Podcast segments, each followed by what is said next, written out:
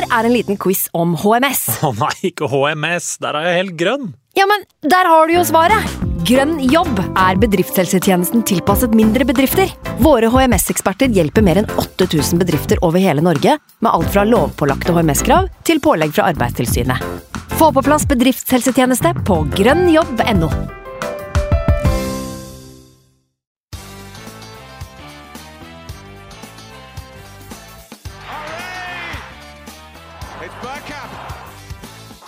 for grabs! The next station is Arsenal. Hei og velkommen skal du være til en splitter ny episode med Arsenal Station med Magnus Johansen og meg, Simen Goffeng. Riktig godt nyttår. Vi håper dere alle har nytt julen, spist dere feite og ellers hatt en bra start på det nye året. Eh, Iallfall fram til Stuart Atwell gjorde sitt ytterste for å ødelegge så mye som mulig. Godt nyttår til deg også, Magnus. Eh, Det er godt å være tilbake, er ikke det? Hvordan står det til? Godt nyttår, Simen. Det er uh, veldig godt å være tilbake. Eh, vi har jo uh, hatt en litt lengre pause enn det vi er vant til nå, av forskjellige årsaker. Spesielt fordi at Wolverhampton-matchen i jula ble, ble erstatta med mer øl, mer ripe, mer pølse, mer sjokolade, mer julegodter. Sånn at man er helt sikker må inn på Zalando og bestille seg 20 plagg i løpet av januar. Så det skal bli godt å sitte her og snakke, snakke bort litt kalorier. For det, vi har ganske mye vi skal ut med i løpet av er eh, veldig mye som skal ut her. Vi er uh, sprengferdig. Skal, skal slakte litt i alle retninger. I hvert fall uh, veit jeg at du kommer dit. Du, uh, vi snakka jo sammen like etter kampen mot City, og da sa du vel at uh, allerede så var 2022 ødelagt. Det var kanskje greit sånn sett at vi, at vi avventa litt grann, og spiller inn i dag istedenfor. Ja, vi skulle ikke spilt inn i går, nei. Det hadde vært eh, en tabbe av dimensjoner. Så, eh, men det er jo noe med at eh, hvis noe skjer veldig tidlig eh, et år, når primstaven eh, er vendt og man får et veldig dårlig tegn fra oven eller fra en uh, grasmat i England, da tenker man at er det sånn det året her skal bli? Eh, men så, så er man såpass ikke edru, men edrueli eh, at man eh, skjønner at, eh, at det ikke har noen sammenheng. Så eh, jeg tror vi heller skal fokusere på at, eh, at den prestasjonen her er, eh, er såpass god at vi kanskje kan forvente at 2022 blir et jævlig bra år. Ja. Det åpenbare spørsmålet her, som jeg tipper at mange av lytterne også lurer på, er hvordan går det med korkopptrekkeren din? Jeg har ikke snakka så mye om denne sesongen her. Litt fordi at jeg drikker veldig mye fra boks nå. Eh, sånn at korkopptrekkeren har liksom blitt sneket seg litt ned i mellom, mellom sofaputer og sånn. Eh, men den ser lik ut, egentlig. Eh, men i går satt jeg oppe i første etasjen sammen med samboer og barn. Eh, stakkars dem. Eh, og da er ikke den til stede, men i går er første gangen på veldig lenge at, at den ville ha fått seg noen, eh, fått seg noen turer i veggen. For det, de kampene mot United og Everton og sånn var sånn det var, det var irriterende, og det var, eh, men det var mer nesten apatisk. Hvorfor i helvete Mm. er vi så dårlige? I går da var jeg så forbanna som jeg kan huske å ha vært denne sesongen her, i hvert fall.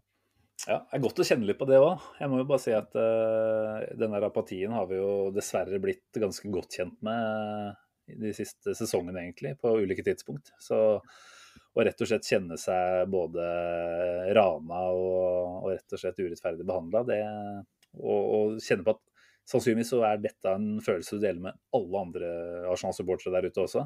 Eh, vi er faktisk eh, unisont enige, for en gangs skyld. Det, det gjorde jo ja, det var for faen meg så bittert, men uh, ettersom uh, timene har gått etter den kampen, så, så kan du absolutt uh, glede deg over de ulike følelsene som oppstår der også. Så vi skal jo først og fremst nå hylle den prestasjonen som dette tapet her, da, som det jo dessverre blei, men den prestasjonen som det tross alt var, den syns jeg vi skal starte å prate litt om. Altså, vi kan jo legge opp dette på ulike måter, jobbe oss kronologisk gjennom kampen eh, og ta de ulike situasjonene. Det, det bør vi kanskje også gjøre. Men nå har jeg allerede nevnt Stuart Atwell, så for at ikke vi skal være en sånn klagepod, så er det kanskje greit å legge han til side for en liten stund, og så heller snakke litt eh, opp eh, hva Arteta og gjengen eh, holdt på med utpå her. Altså, den eh, opptakten til kampen kan umulig ha vært ideell, med en Arteta som da blir koronasmitta flere dager før kamp. ikke sant? Altså Allerede der så, så begynner man jo å tenke oi shit, hva er det dette har å si for, forberedelsene inn mot kamp. Altså, selvfølgelig så har jo de tett kommunikasjon, og de under han uh, vet jo veldig godt hva som skal gjøres på feltet, men det er jo et eller annet med at Arteta har en karisma, og han har helt sikkert en, en, personlighet som smitter veldig over på spillerne. Det har jo mange pratet om allerede òg. Så det å ikke ha han til stede da de, Det må ha vært fire dager eller noe sånt før kamp, vel? Han, mm. Det kom vel ganske tidlig en, en, nyhet der om at han var i karantene. Eller han var syk, så han var jo ikke i karantene, i isolasjon. Satser på at han blir bedre. Eh, Åssen syns du, både med tanke på det og også hvordan eh, vi framsto mot City tidligere i sesongen, eh, det er litt bagasje sånn sett eh, der òg, hvordan syns du inngangen vår til den kampen her var? Nei, altså Det er et stort spørsmål. fordi Når du tar med foranledningen og ikke minst uh, historikken uh, og hele sesongen her, da. Um, det er vel tiende matchen på rad som vi taper mot City. Det, de har et psykologisk overtak over oss som er, er massivt. det, mm. det, er et lag som spiller på en måte som vi aspirerer eh, litt mot eh, med, med Ariteta. Um, og eh, det er jo en kjensgjerning at uh, hvis man prøver å spille på motstandernes premisser uh, mot et lag som City, så blir du som regel fillerista. Men allikevel så føler jeg at det er det vi gjør. Og vi, vi kommer inn der og vi vi gir dem en smak av deres egen medisin, rett og slett. Vi tar midtbanen. Det er for meg nesten uh, den, den, største overraskende av alt. Overraskende av alt for der er, der er, City så mye bedre enn oss skal være, og har mm. vært. Mm. Og så vinner vi ball igjen høyt i banen, gang på gang på gang. Eh, Thomas Partey gir eh, Rodry rollen som lus og møll. Han har, ingen, ingenting å, å, bidra med. Uh, han blir bare spist opp av en ghanesisk ja, blekksprut av en fotballspiller. Og vi skal gå sikkert nærmere inn på hans prestasjoner, men altså det, det, er liksom eh, At Arsenal så kort tid etter den United-Everton-matchen eh, nå plutselig på en måte tatt et sånt steg. Mm. Det ble et stort greie, men liksom det, for meg så var inn, når vi snakker om inngang, så er det nettopp det. At vi, at vi våger, at vi, at vi evner mm. eh, på det nivået her. Det er, det er, eh, det er, et, litt, det er et bokmerke på et vis. Eh, håper jeg i hvert fall. Det her kan være et springbrett, selv om, selv om situasjoner et, etter hvert i matchen gjør at det blir en sur opplevelse. Så, mm. så kan det her være bekreftelse, den bekreftelsen vi trenger på at, mm. at ting er på rett vei. Ja, Det er jo ikke sånn at det kom fra ingensteds selv. ikke sant? Det har jo vært en uh, helt tydelig stigning i selvtilliten nå uh, flere uker på rad. ikke sant? Og det er klart at det er spillere nå som blir bedre og bedre kjent med det, med det Arteta ønsker at de skal gjøre. Så ja, altså Jeg er overraska over at det så så bra ut, men jeg håpet jo virkelig i forkant på at det var en prestasjon om ikke så sterk som dette her, så i hvert fall noe tilnærma dette her som vi kunne være ordentlig stolte av i, i ettertid. da. Eh, det var jo håpet. Eh, og man må jo ta med i betraktningen her at City også hadde betraktelig mindre tid å forberede seg på. og Arteta nevnte jo dette med energinivå i etterkant. Eh, nå syns jeg jo først og fremst at det er Arsenal som gjør City dårlig, som ikke gir dem tid til å være gode på det de er gode på. Men, men det er klart det er jo et ørlite moment som du må ta med i, i ligningen her. Da. At det er et City på kanskje ikke sitt beste. og et Arsenal på, på sitt beste eh, i veldig mange faser av spillet. og da, det er i hvert fall gledelig å se at vi er såpass eh, på høyde med de som vi, som vi er. Da. Men eh, nei, at Arteta både legger opp til denne kampplanen, eh, syns jeg sier mye om, eh, om han. Eh, han er eh, tro mot sine egne prinsipper. Det, det, vet vi vel egentlig fra før av, men det, det kan være lett å, å, falle tilbake igjen til det som er kanskje det tryggeste uh, i disse vanskelige kampene her. Jeg synes Mot Liverpool også viste han at uh, selv om det til slutt ble 4-0, så viste vi der i en omgang at det er noe vi kommer uh, med egne ideer rundt. Da. Vi er ikke bare til stede her for å, for å ta hensyn. og mot City da, så tok vi det til et nytt nivå fordi vi klarte å være så, så aggressive i det offensive spillet. og vi, vi setter de rett og slett under et evinnelig press. Det er jo en ti minutters eh, sekvens som er vel blitt eh, spilt inn i fortfilm eh, i forkant av, av eh, målet vårt. Eh, som veldig tydelig da, viser hvordan vi har et vedvarende trykk. Jeg tror vel eh, tre fjerdedeler av den videoen der innebærer at vi er på Citys banaldel ca. Og gjenvinner og gjenvinner. Og i tillegg til å gjenvinne, så klarer vi også å finne rom og skape gode muligheter. Så mm. Jeg hyller både Artetas plan og, og hvordan spillerne tør å, å, sette den planen ut i livet. Da. For det er klart at uh, dette er et fryktinngytende City-lag som OK, de har kanskje ikke sin beste dag, men det er enkeltspillere der som på en hvilken som helst dag vil kunne avgjøre uh, kamper. Da. Og da syns jeg vi viser at frykt ikke er uh, noe av det vi viser, og det, det, er veldig gledelig. Det er nettopp det som er nøkkelpoenget her òg. Jeg syns du oppsummerer det godt. fordi det var nettopp frykt som eh, fikk oss til å tape mot Manchester United. Og jeg tror det var de, til dels det mot Everton òg. Eh, hvorfor våger vi mm. ikke mer eh, mot eh, det som egentlig er underlegen motstand, men som på papir og hvis du ser på stadion og, og historikk og alt sånt eh, at jeg kommer til Old Trafford og spiller mot den logoen og det laget eh, med sir Alex Ferguson stand og alt det greiene der, det gjør jo noe med deg. Mm. Men jeg forstår ikke at vi på det tidspunktet skal på en måte Og United er så langt nede som det var på det tidspunktet. Og når Everton og ikke minst var helt ute å sykle, at vi på en måte lar oss affektere av at det er Goodison Park og at det er trøkk på, på tribunen, liksom. Mm. Én seier på det for dem. nettopp. Altså, og da, da Ja, det er hjemmebane mot City, men vi har også sett uh, oss reise uh, på bortebane nå mot, mot uh, Leeds, Leeds, og Norwich. Jeg vet at det er to av de svakere lagene i divisjonen, men det er noe med måten man vinner fotballkampen på, da. Og det er mm. liksom noe med at her, den gjengen her har ingenting å frykte mot nesten noen.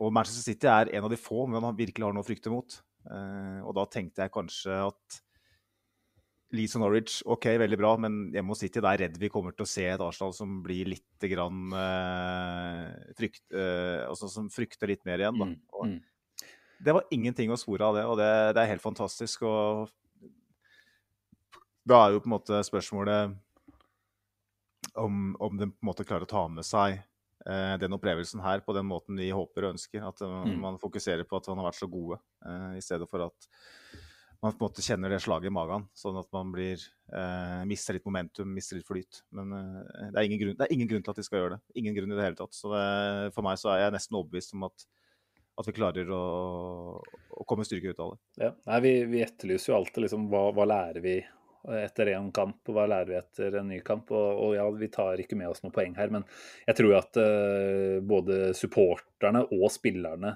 sitter igjen med mer tro på prosjektet enn det man gjorde før. Da. Altså, det var mye usikkerhet knytta til hva slags Arsenal er det vi får, eh, får ut på banen her. Altså, vi ønska jo egentlig bare å være konkurransedyktige. Altså, hva var det vi hadde sett? da, At Arsenal hadde sluppet inn i løpet av de første 15 minuttene de siste fire kampene mot City.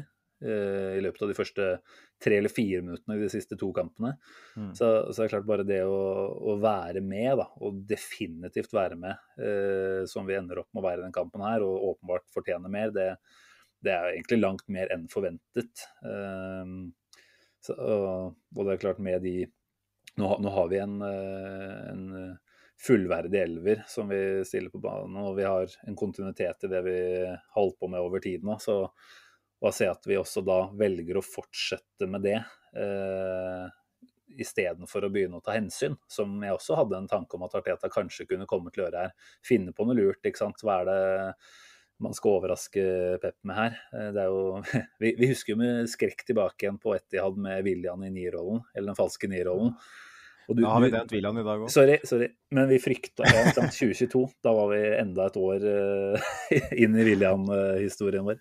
Men uh, selv om jeg ikke nødvendigvis trodde at det kom til å skje, da, så frykta jeg jo kanskje at uh, Arteta hjemme fra sofaen ville pønske ut noe som kanskje var smartere enn det det egentlig ville se ut på, på banen. Altså, nå hadde man istedenfor så stor tro på de elleve spillerne som har blitt veldig godt kjent med hverandre i ulike situasjoner, i ulike posisjoner.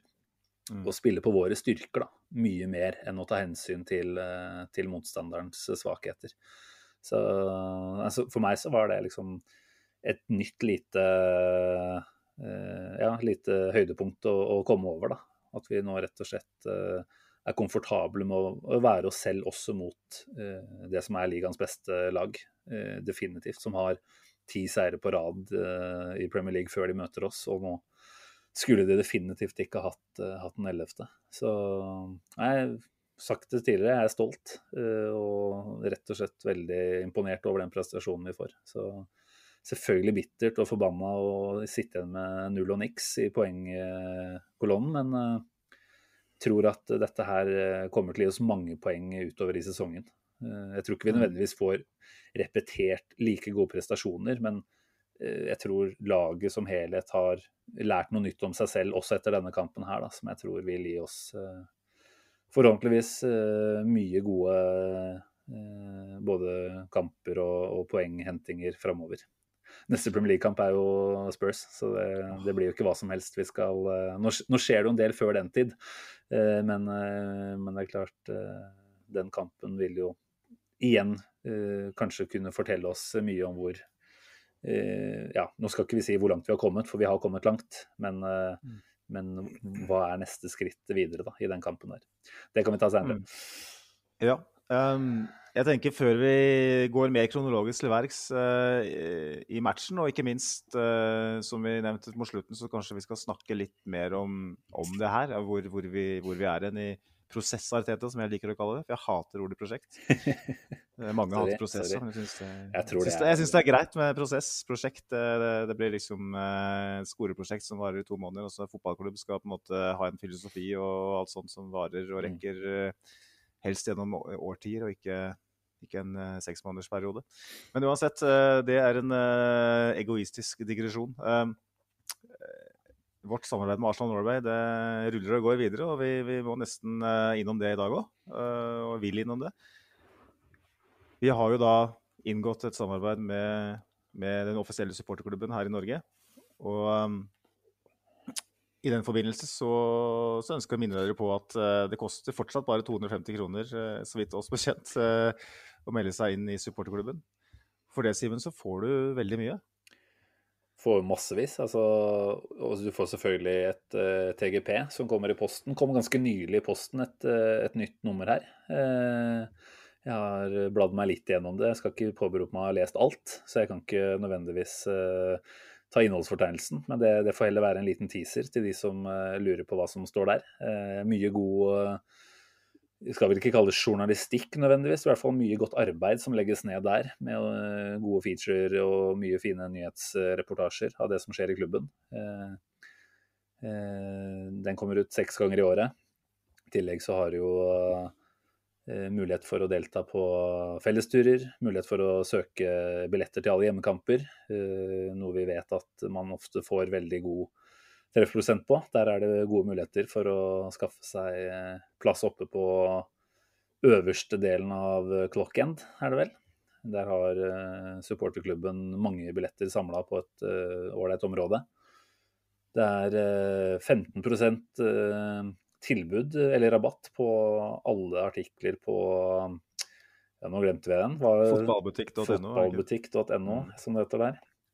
Eh, I tillegg til at man jo aller viktigst, eh, hvis man kan si det sånn, er med og viser utad eh, hvor mange som faktisk er glad i denne klubben her. Eh, selvfølgelig så er det mange flere enn de det er vel ca. 6000 uh, offisielle medlemmer. Uh, vi vet at vi er veldig mange flere gunere i Norge, men da er det også litt synd at ikke man har enda flere å vise til i den offentlige supporterklubben. Uh, jeg vet at det gjøres nye tellinger etter, ja, eller mot slutten av hver sesong, er det vel. Supporterklubb, eller Supporterunionen for britisk uh, fotball har en oversikt der. Jeg har referert til den tidligere, hvor Tottenham bare er et titalls eh, medlemmer foran oss eh, per eh, mai 2021. Så når det skal telles opp til nytt i mai 2022, så håper vi at alle dere lyttere som fortsatt ikke har registrert dere inn på gunners.no, gjør det. Sånn at vi også, også, på den tabellen er over Tottenham, slik det skal være. Vi snakka jo om at vi skal ha en sånn julekonkurranse hvor vi delte ut et medlemskap. Og det har jo gått oss ut forbi, for det ble ikke noe julepodkast. stemmer, stemmer. Så vi får se hva vi finner på der. Men um, det, hvis vi er bak Tottenham uh, der, uh, og bak dem på tabellen nå, så Nei, det, det kan ikke skje. Uh, vi må i hvert fall gjøre vår del av jobben her i Norge. Så får gutta i England prøve sitt beste. Absolutt. Da kan vi vel hive oss ned i materien. Skal vi prøve å analysere sånn noenlunde hva vi så her på tidligkickoffet på lørdag? Ja, du kan gjerne starte du, Simen, med lagoppstillinga. Hva, hva, hva, tenker du? Det er vel ikke så mye å snakke om, egentlig, for det er det samme som det pleier å være. Det var som forventa. Håpa jo selvfølgelig på at Tomiyasu eh, var tilbake, og det var han. Eh, trenger ikke å forskuttere hvem han har som eh, banens beste, men han var vel eh, en av de absolutt beste på banen for vår del. Eh, fantastisk å ha han tilbake. stabiliteten selv. Og utover det så var det vel sånn som vi håpa på. Altså, nå har jo Arteta slash eh, Stuvenberg vist at de holder eh, koken med det som funker. Eh, så sånn sett var det ikke noe overraskende at Smith-Roe heller ikke nå startet. Og det tenker jeg vi godt kan ta en liten prat om utover. For det, det Martinelli holder på med der nå, og hvordan man ønsker at kantene skal fungere når man har en spiss som Lacassette. Det borger jo for at veien tilbake til startelveren ikke nødvendigvis er kjempelang, for vi har en del kamper framover. Men at Smith Roe kanskje faktisk per nå er henvist til benken, rett og slett på bakgrunn av hvordan han funker inn i, i denne første elveren her, da. Mm. Fantastisk alternativ var fra benk, selvfølgelig. Eh, men eh, Martinelli fikk fornya tillit og tok jo veldig godt vare på den. Var jo ekstremt aktiv eh, på venstrekanten der.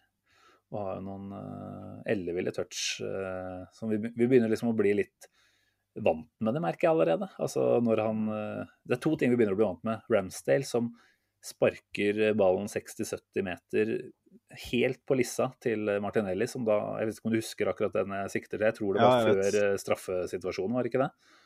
Eh, hvor eh, det er et langt utspark fra Ramsdale. Eh, Martinelli tar ned og utfordrer direkte mot bekken. Og det, går, det er så effektivt, det er så enkelt, da. Men så høy er kvaliteten på de spillerne her, for nå har de begynt å gjøre det på fast basis. Nå, nå sitter vi ikke og bare Å, oh, shit, klarte de det? Men det gjentar seg gang etter gang. Så mm. igjen, det sier litt om, om hvor langt vi har kommet her. Eh, andre ting i startelveren som du reagerte på, for så vidt? Var det, var det som forventa? Det var jo som forventa. Man frykter jo veldig at det er et covid-outbreak da, når store deler av trenerapparatet er mm. satt ut. Da, er det jo naturlig at, at spillergruppa er affektert. Men av en eller annen grunn så, så var det ingen, som, ingen nye eh, ikke covid, i hvert fall. Nei. Eh, ikke, ikke ennå, nei, selvfølgelig. Og det kan komme, det. Og det er kanskje litt gunstig at det er akkurat nå, for nå, nå går vi inn i et par uker nå med, med cupmatcher mm. eh, som vi kan ofre, i mine øyne. Ja. Eh, og da håper jeg at, uh, håper at klubben er eh, drevet riktig i så måte, at vi, at vi unngår, unngår, de verste utbruddene. Mm. Fordi at det kan, det kan bety alt, sånn som, uh, sånn som det har blitt. men nei, jeg syns det var helt riktig, riktig elver. Og jeg er jo Smith-Rome-fan sjøl, men det er riktig å starte med Martinelli. Han har ikke spilt seg ut på noe som helst slags måte. Og det du nevner, syns jeg er er interessant det med den første touchen og sånn. Jeg så Liverpool-Chelsea Nei, Chelsea-Liverpool i dag, mener jeg. Og jeg så Mohammed Salah drev og ta ned lange baller fra Arnold og, og co. Um, flere ganger i løpet av kampen. Og man liksom Man tenker ikke over det, for det er så selvfølgelig. Mm. Han er den beste spilleren i, i ligaen eh, akkurat nå, så, så, så, det er en grunn til at det er selvfølgelig. Men, men, det er noe med det Martinelli gjør om dagen nå, som, som tross alt er eh, 20 år gammel. Eh, som, som, etter hvert begynner å bli selvfølgelig. Eh, og da, da begynner man liksom å lure på hvor langt kan det her nå? For han fikk eh, Cancelo til å se ut som, eh, som Oleg Luzjny til tider. Uh, og det er ikke hvem som helst i, når det gjelder eh, tempoproblemer og sånn i Premier League. Eh, mm. jeg så litt på, på, tallene til Martinelli. Og, jeg hadde håpet det. Jeg har, ikke, jeg har, ikke, hatt så mye tid til å se på andre stad, men jeg så, valgte ut han et par til. Uh, han har tre ballgjenvinninger, uh, som er flest av uh, samtlige Arsenal-spillere. igjen en sånn, litt sånn voksen kamp av Martinelli, noe vi har sett Han har ligget og, og hatt sånne tall i hver eneste kamp nå. Eh, Mm. ting han ikke gjorde eh, for bare noen måneder siden. Eh, han har tre vellykka driblinger, alle mot Cancelo, eh, som eh, nok følte på en underlegenhet som han ikke er vant til å føle på i Premier League. Eh, så det er, det, er, det er de to statsene tatt ut, da. Men tre vellykka driblinger mot en så god back eh, i en sånn kamp, det er ganske vilt. Og hadde det ikke vært for mangel på sluttprodukt og en dommer som uh, var veldig kåt på charge inn i boksen, så, så kan det være at Martinelli hadde stått igjen som den store helten her. Fordi at uh, du, du bare ser det, liksom, den, der, den han køler over på utsida. Mm. At han helt tatt prøver på det. Vi, vi, vi har bare kanskje han i elveren som, som har den X-faktoren. Jeg vet at Pukayo Saka han kan bli akkurat hva han vil, uh, på sett og vis. Men Martinelli han er liksom den jeg tenker at Aubameyang er ute av elveren. Ute av laget, ute av troppen. Uh, og vi kanskje ikke har den der åpenbare målsniken, den predatoren, så er Martinelli nettopp det. Han kan skåre alle typer skåringer. Han kan skåre i boksen, uh, på hodet, han kan skåre med høyre, han kan skåre med venstre, han kan skåre utafor 16, han kan skyte den knallhardt i vinkelen, han kan skru den rundt keeper, han kan skippe den over keeper.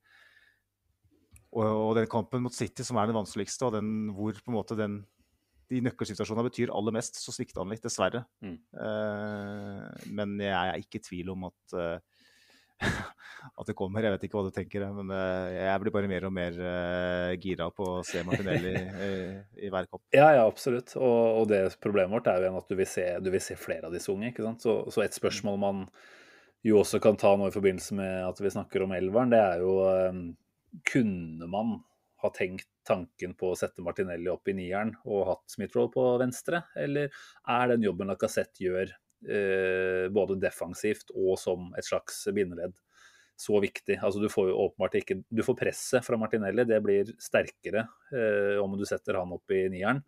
Men, eh, men du mister jo mye annet da, som Lacassette nå. Eh, altså, det, har, det har blitt en forutsigbarhet i det han holder på med for resten av laget, og det, det tenker jeg er viktig. Men, eh, men eh, klart, i, i, noen kamper, kanskje ikke akkurat denne, da, så, så kunne det jo vært veldig interessant å, å teste ut Martinelli i en nierrolle. Eh, nettopp fordi han er så allsidig som det du sier, da, og han er en avslutter. Han, eh, han jakter. Eh, jeg tror ikke venstre er en dum utgangsposisjon. Eh, han kommer til mye bra derfra, men eh, det skulle nå vært gøy å se han i en litt lengre run i nierrollen også. Og kanskje særlig nå som vi vet at vi blir shorte på spissplassen eh, noen uker framover. Ja. Det er mulig at vi kanskje gaper over for mye, hvis vi tenker at han skal eh, både gjenta Det, blir et annet utgangspunkt for han selvfølgelig, eh, å, starte som midtspiss kontra av eh, ut på, ut på kanten. Men, Jeg tror det handler om, handler om type motstander. Jeg, jeg, Ja. jeg tror ikke han funker i hver eneste sånn eh, kamp som nier. Men f.eks. hvis du tenker tilbake på den Tottenham-kampen, måten Aubameyang eh, eh, løste den rollen da, lå veldig ute til venstre og kombinerte sammen med Smith-Rowe, så han kom egentlig ofte i, i favorittposisjonen. da, Mm. eh, Skjærer inn fra venstre. Litt sånn som Thierry Henry gjorde det i glansdagen, og de hadde Robert Perez som spilte veldig nære seg, uh, uten noen sammenheng for du sa øvrig. det. Du sa det. Beklager det, men det, bare for å beskrive det. Så det at spiller du nierrollen, uh, og, og du hele tida kan være rettvendt Mm. uh, når du angriper, så, så funker Martinelli som bare faen. Men, Mm. men hvis du stadig vekk er feilvendt, og du på en måte det er du som skal sørge for at ballen eh, blir værende når, Mm. når du mottar den. Når, når du er outballen, da, da tror jeg Martinelli har veldig mye å gå på. Og Mm. jeg vil ikke ha tatt sjansen på å sette Lacassette ut for Martinelli helt enda, med mindre, du, det er en, med, mindre det er en motstander som helt åpenbart vil tillate oss å spille på den måten. Ja, da, det er kanskje noe vi får se i, i bruddstykker eh, utover i sesongen. Litt avhengig av hva som skjer på skade- og covid-fronten, selvfølgelig. Men, eh, men jeg heller tror ikke det er noe Arteta har som eh, plan i utgangspunktet, sånn fra, fra start i kamper. I hvert fall ikke mange. Men eh, det er spennende å se, for det er en eh, spiller som kan bli Du sier eh, Saka kan bli hva han vil, og det kan vel også Martinelli. Eh, så hva, hva er planen til Arteta for, eh, for eh, både Martinelli, men også denne, denne offensive gjengen vår eh, med unggutter? Det, det er jeg veldig Mm. spent på på litt lengre sikt. For nå, nå kan vi jo begynne å snakke om at det er litt lengre sikt eh, på det jeg holder på med. Altså, du, du, var jo dyster og mørk i spådommene dine for noen måneder tilbake, du. Jeg trenger ikke å dra fram altfor mye av det, men uh, vi, særlig stor tro på at Arteta satt mye lenger enn sesongen. Det hadde man kanskje ikke. Nå, nå, har det skjedd så mye både på resultater, men også på det spillemessige, at vi vel begynner å se lengre framover. Det, det må vi jo si. Og det skal vi snakke, snakke litt om eh, etterpå. Ehm, vi dominerte jo matchen eh, Det var jo kanskje litt å ta i fra start, for eh, det var litt fram og tilbake i starten. Men så litt utover i matchen, så i første gang så tok vi jo fullstendig over. Og når målet kom, så var det uh, It had been coming, som de sier i England. Mm. Vi kjente at det kom. Uh, og, og for en scoring, da. Og for et uh, instinkt av uh, Bukayo Saka. Ja, og det er jo det som skjer helt fra Ben White bryter uh, De Bruyne der. Altså, igjen, det er jo et symptom på, på hva vi gjør bra i den kampen her. Vi er tett oppi hele veien, og vi, vi gir de veldig lite rom. Ben White spiller inn til Party, er det vel, som finner Sjaka, som finner Ødegaard, som triller den ut til tierne. Det, det, går veldig, veldig effektivt framover, da. Det mm. er veldig gode relasjoner utpå der. Eh, Tini sin pasning inn der var jeg helt sikker på at var mynta på Ødegaard. Eh, så hvis den var eh, med sikte på Saka, så bøyer jeg meg støvet for det Tierney holder på med der. Og som du sier, eh, avslutninga til Saka på instinkt der. Eh, bare flukter han videre, egentlig. Det er god fart i ballen, og han trenger egentlig bare å sette breisida til for å forlenge den videre ned. Da er jo Edersen sjanseløs. Og ja, målet var fint. Feiringen var jo enda nydeligere. Altså, det er et eller annet vakkert altså, med å se Bukayo Saka. Altså, Arsenal-gutt eh, fra han var bitte liten, eh, kaste seg inn i supportergjengen der. Altså, eneste negative er jo selvfølgelig smittebiten. Eh, du blir litt skeptisk. Er det så jævla lurt å hoppe inn i en, eh, en folkemengde når du veit at eh, smittetallene i London er der det er?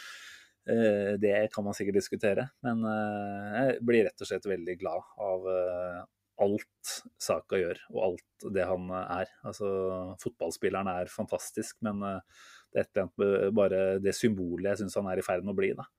Han er liksom mm. Ja, det som har skjedd nå i sommer, har jo på en måte gjort at hele England har fått et forhold til han, egentlig hele fotball-Europa, kan du si. Mm. Og, og, han er vår, og han er liksom en, en, liten gullgutt fortsatt, da, som, uh, som uh, man føler at man må passe litt uh, godt på. Men så er han så jævlig god også, da. Spiller jo stort sett fotball som han er 5-26 i sin aller, aller beste år nå. alt det han gjør, ser stort sett enkelt ut. hadde en solid kamp jevnt over, men, men akkurat avslutninga her også, det, det, begynner å bli en, en vane etter hvert. da. Eh, det er, det er, sykt å si. Det er 20-åringer over hele linja som, eh, som, vi har blitt vant til at nå gjør det for oss, kamp etter kamp. Så bøyer meg i støvet for uh, Bukayo Saka. Det er uh, En bukk for Bukayo? Vi bukker. Vi tar, vi tar ikke bukkøl for den, det gjør vi ikke. Men uh, vi, vi, kan skåle litt. Ja, nei, altså hvis én scoring eh, oppsummerer eh, det Miquel Arteta ønsker å gjøre med Arsenal, så, så, så er det jo kanskje den. Også, um, ben White ble henta fordi at han er uh, ekstrem på å ta med seg ball gjennom ledd. Ekstrem på å få ballen Uavhengig om det er han sjøl eller ballen han sender gjennom, så, så, så er han henta inn for at, for at tempo eh, fra forsvar til midtbane skal bli høyere. Thomas Party ble henta inn for å komme gjennom ledd. Eh, skape overtall, skape ubalanse. Gjør nettopp det. Så er det et par mm. andre involverte. Er Martin Ødegaard selvfølgelig som henta inn igjen. For at han er ekstrem på eh, å få ballen inn i farlig sone. Eh, han er, det har vi snakka mye om. og han, nå har jo sluttproduktet vært der òg, men det, liksom, mm. det, han først og fremst har bidratt med, er jo det at han klarer å få den ballen i nærheten av boksen. Mye oftere enn alle andre i troppen. Og her er de involvert alle tre. Eh, og det er nettopp det her Arsenal må gjøre. Og det er det her, nettopp det her Arsenal ikke klarte i, i fjor i det hele tatt. For et år siden, altså, altså, kanskje litt lenger enn et år tilbake, da, før den 26.12.2019, som vi alle husker. Eh, når Smith Roe plutselig eh, våkna av en sovende kjempe til live. så, så var det jo nettopp det her som var problemet. At vi liksom fikk ikke ballen fre fort nok frem banen. fordi Mm. vi hadde ikke spillertypene, vi hadde ikke relasjoner, vi hadde ikke eh, tempo, vi hadde ingenting. Vi hadde ikke rytmen. Og i det angrepet her så har du alt. Mm. Og det I løpet av bare litt over et år så har man, har man rett og slett fiksa det. da. Og det, da gjør man det mot det beste laget i verden. Eh, man klarer å spille sånn fotball og skåre sånne mål mot det beste laget i verden. Når man for litt over et år siden ikke klarte det mot Burnley og Southampton, så, så sier det noe om at eh, Igjen, nå, nå beveger vi oss veldig fort mot det vi skal snakke om etterpå. Men jeg syns det målet her oppsummerer eh, prestasjonen ganske godt. Og oppsummerer litt hvor, hvor vi er og hvor vi har kommet. For dette her målet her, da hadde vi ikke scora mot noen for et år siden. Så for et deilig øyeblikk. og Eh, ja. eh, jeg vet ikke hva som er neste punkt på menyen nå, men eh, vi fortsatte jo å dominere dem. eh, men det ble jo, det ble jo etter hvert eh, et antiklimaks. eh. Ja, vi, vi kan jo hoppe dit allerede. Så jeg må jo si at eh, fra altså, det første kvarteret i den første omgangen her, da, da er det relativt jevnt. Det er litt sånn ta og føle på-stemning. Og det er helt åpenbart at vi har mye respekt for City. Men eh, etter hvert som vi ser at oi, vi er, vi er jo fullt på høyde her, så syns jeg vi er det klart beste laget siste halvtimen i første omgang. Mm. Jeg husker jo ikke helt hvor close vi var på mål nummer to, men vi har jo flere muligheter til å få en, eh, en andre scoring, faktisk. Eh, ekstremt synd at vi ikke gjør det. Eh, går jo inn til pause med en god følelse. og leser jo at de som har vært på stadion der, beskriver en ganske heftig atmosfære. Eh, sjelden at det har vært såpass mye tro og optimisme i en eh, sånn her type kamp eh, på ganske mange år. Så, så det var jo helt klart en opplevelse av at dette her er vi gode nok til å, til å ta videre, da. Eh, jeg klarer heller ikke helt å huske detaljene i, i starten av andre gang, men eh, det tar jo ikke veldig lang tid, dessverre, da, før det skjer eh, dystre ting. Eh, det er klart, det vi må snakke om før vi beveger oss til andre gang, er jo eh, straffesituasjonen til Ødegaard, selvfølgelig, i, Mm. i første omgangen. Eh, nå har vi klart oss ca. 30 minutter fra jeg nevnte Atwell i introen til nå. Eh, da er det vel på tide å nevne den igjen. Eh, hvordan ser du på den situasjonen der? Der og da, så med alle repriser man etter hvert Mm. fikk servert, så tenkte jeg at er det, er det her en clear, altså er det en åpenbar feil, da, som er mantraet det var? Eller skal være mantraet det var, for alle bortsett fra de som dømmer i England. Så, er det, så tenker jeg at OK, greit nok. Eh, skal, man, skal man på en måte bruke, skal man bruke tre minutter på å ta en til situasjon, eller skal man tenke at OK, den dommeren her gjorde en OK vurdering. Eh, kunne ha gått ene veien, kunne ha gått andre veien. Ferdig med det. Men Eh, Men så skjer det noe, ikke sant, som du sier, eh, i andre omgang. Nei, ja, at, men, eh, men jeg vil bare si men til uh, bruken av altså Jeg er helt enig at Jeg vet ikke helt hvordan det funker i Stockley Park uh, i Er det Øst-London de befinner seg, disse VAR-dommerne? Ehm, jeg kan ikke huske at det var noe særlig mer enn to-tre vinkler av den uh, Ødegaard-taklinga. Eh, da lurer jeg på, har man benytta teknologien godt nok? Altså, teknologien er jo der.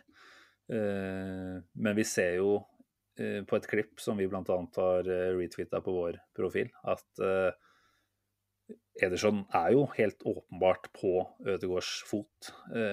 Enten før han treffer ballen, eller om han i det hele tatt treffer ballen. Eh, det, er, det er litt vanskelig å si. Du ser forskjellige ting fra forskjellige vinkler, men at han treffer Ødegaards fot først, det er det null diskusjon om, i mine øyne. Eh, Jeg ser noen idioter som eh, klarer å påstå at Ødegaard skulle hatt kort her for å stemple Ederson. Da er det jo bare å si lykke til og ønske god bedring og minne om at hvem er det som har ballen under kontroll? Det er Ødegaard. Hvem er det som kommer brasende inn i situasjonen? Det er Ederson. Med andre ord, den som gjennomfører et regelbrudd her. Jeg mener at det er et regelbrudd, og at hvis de hadde fått riktig eh, kamerareprise på den VAR-skjermen, så hadde dommeren sannsynligvis eh, blitt bedt om å gå og se på nytt. Eh, fordi det Mm. var Jeg tror ikke det var mer enn to-tre vinkler som ble tatt fram der. Og hvorfor riktig, hvis man kan kalle det det, vinkel, eh, i hvert fall en som tilfører ny informasjon, dukker opp på Twitter og ikke på VAR-skjermen. Da det er enten Altså, jeg tror ikke det var det er noe galt med. Da er det disse dommerne som har tatt seg for, uh, for lite tid, rett og slett. eh, å gå gjennom, kall det bevismateriale. Så, så jeg syns at uh, den isolert sett, når man er i situasjonen og, og sånn sett ikke skal bruke altfor mye tid på det, så er det greit nok at dommeren ikke får beskjed, men hadde de gjort det riktig, så tror jeg dommeren hadde fått beskjed om å gå og ta han sitt. Mm. Ja. Og så blir jo dette her, som du er inne på, veldig, veldig forsterka, og det føles helt håpløst når man da i andre gang får en tvilsom situasjon eh, hvor man bestemmer seg for å gå og ta en uh, ny sjekk på, på VAR-skjermen. Det er jo der mye av din, eh, ditt sinne er retta når vi snakker sammen etter kamp. Jeg regner med at det er de, mm. de følelsene der du har lyst til å, å sette litt ord på nå. Det er, vel, det er, vel, det de fleste kjenner på, tror jeg, som, som har latt seg ese opp av det her. Og ase opp. Altså, begge situasjonene er etter min mening langt fra åpenbare. Når man må på en måte se på situasjonen 10-12-15 ganger uh, i sakte film og liksom nesten finstudere mm. det, så tenker jeg at OK, det er, det er litt av greia at det skal være flyt i spillet. Uh, men når den situasjonen blir uh, da tolka som clear and obvious, og den første ikke blir det, som et, definitivt er mer straffe enn den til Bernardo Silva, mm. da er det jo rett og slett grov inkonsekvens i dømminga i løpet av en, en fotballkamp. Det er, altså det, det, er, det er, vanskelig å akseptere inkonsekvens eh, på tvers av kamper, på tvers av eh, matchweeks og måneder og år. Men i løpet av 90 minutter to sånne situasjoner, at man da mm. klarer å tråkke det der feite trynet sitt ned i en sånn salatbolle, det skjønner jeg ikke, altså. For det, den situasjonen er så langt fra åpenbar. Mm. Skal man ta de der? Det er et trøyenapp mm. i boksen. Altså, det skjer hele tida. Det skjer absolutt hele tida. Tommy Yasu mot Manchester United. Altså, eh, han tok jo tak i kragen det var vel Maguire, var det ikke da? Han tok i kragen og så dro han bakover. Evy Martinez mot, eh, mot Lacassette i fjor. Mm. Eh, altså det, det, kan man si at det, det, er trøyeholding. Det er skikkelig trøyeholding. Det er, det er, det er straffespark. Men sånne små uh, tugs i, i trøya uh, ned mot shortsen, liksom Hvis man skal ta alle de. Da er det fem straffespark i hver eneste match. Jeg er helt det enig er med så piss. Jeg er helt enig med deg, men det er klart det er en forskjell her. Og det er jo at uh, i de andre situasjonene du sikter til her, så er ballen et annet sted i utgangspunktet når, uh, når trøyalinga finner sted. Uh, mens i den situasjonen her så er det ballfører som blir dratt ned. Det, det blir veldig tydelig sånn sett. Den eneste måten jeg klarer å prøve å forstå dette her, er hvis dommer faktisk ikke har sett trøyeholdinga. Han er jo veldig tydelig eh, når Bernardo går i bakken på at han må komme seg opp. Helt, altså, all mimikk tilsier jo at eh, dommer har sett at det har vært en slags forseelse, men sier det er ikke nok. Eh, så er det venstrearmen til Sjaka, den som da er vendt vekk fra dommer, som brukes til å dra ned eh, Bernardo. Spørsmålet blir jo på en måte har dommer sett den armen tydelig nok?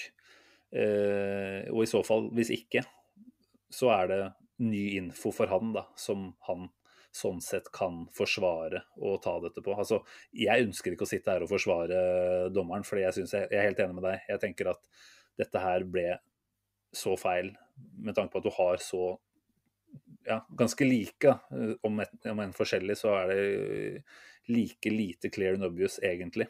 Eh, men hvis du skal prøve å se det fra dommeren sitt eh, ståsted, jeg vet ikke om han har sagt eller skrevet noe i ettertid, men eh, men eh, så, så, må det være noe sånt, da. Så hører vi jo ulike forklaringer fra gamle dommere som skal prøve å fortelle hvorfor man gjør som man gjør. Jeg blir ikke despøtt uh, klokere på noe av det. Så VAR, uh, eller bruken av VAR, er jo fortsatt et kjempeproblem som uh, sannsynligvis handler om at dommerstanden i England rett og slett ikke er dyktige nok. De er i hvert fall ikke konsekvente og konsistente nok. Så det føles brutalt urettferdig eh, å få den. Eh, det er ikke noe tvil om at Bernardo at han hiver seg. Altså Den måten han ramler på der og har eh, kasta beina under seg og, og lander på magen det, det, er ingen som ville falt sånn av å bli nappa litt i trøya. Helt åpenbart. Så, så det er klart, du kan si at Sjaka gir dommer en slags grunn til å blåse på noe, men det er ikke sånn det skal funke. Altså, du skal reelt sett bli hindra hvis du Mm. skal få et straffespark. Og det blir ikke Bernardo i den situasjonen der. Eh, han, han stopper å løpe, og det skal han ikke få Mm. straffe for. Så, så helt åpenbart er det feil. Men hvis jeg skal prøve å forstå dommeren, da, uten å si at han er korrupt, for det tror jeg han ikke er Jeg tror han er inkompetent, men jeg tror ikke han er korrupt. Så, så må det være noe sånt, da, at eh, det er noe ny info som har dukka opp eh, som man ikke hadde tydelig nok utsyn på i utgangspunktet. Men Mm. uh, det her blir jo bare å spekulere og gjette, og det er jeg jævlig lei av. Fordi VAR, VAR burde ikke gjøre at vi sitter her og bruker uh, timevis av postmatch-praten, uh, både i studio og på puben og her på en pod, og snakke om uh, dommersituasjoner. Det skulle bli mer tydelighet rundt det. Dette her skaper bare mer usikkerhet, og det, da, da kunne man Så lenge ikke dommerne klarer å bruke det, kunne man like godt bare droppa det.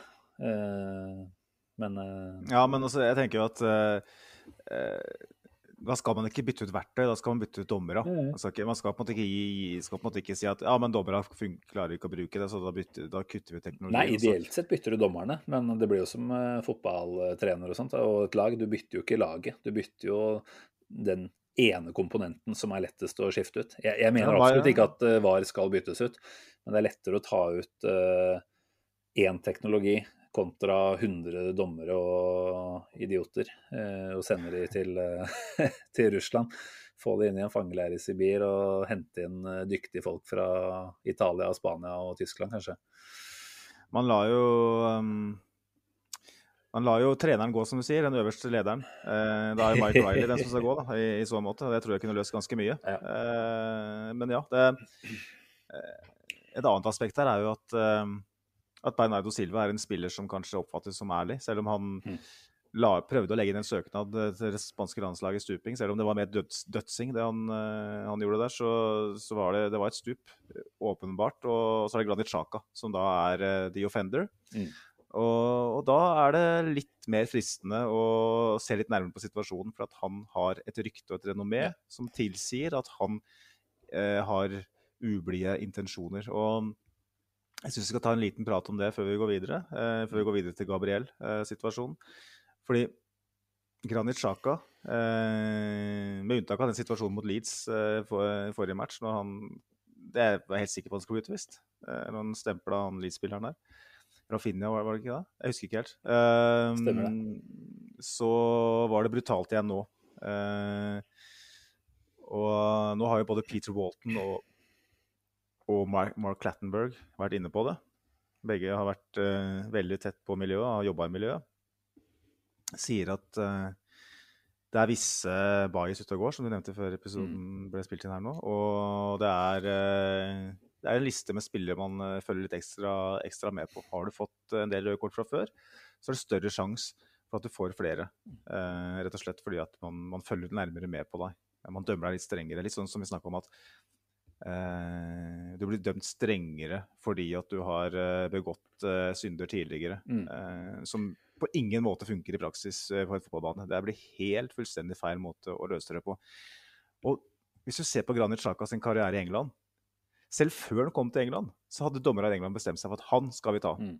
Husker du, husker du presseoppbudet? Husker du fokuset på Granit Xhaka som type når han kom til Arsenal? Ja, her kommer kortkongen fra Bundesliga.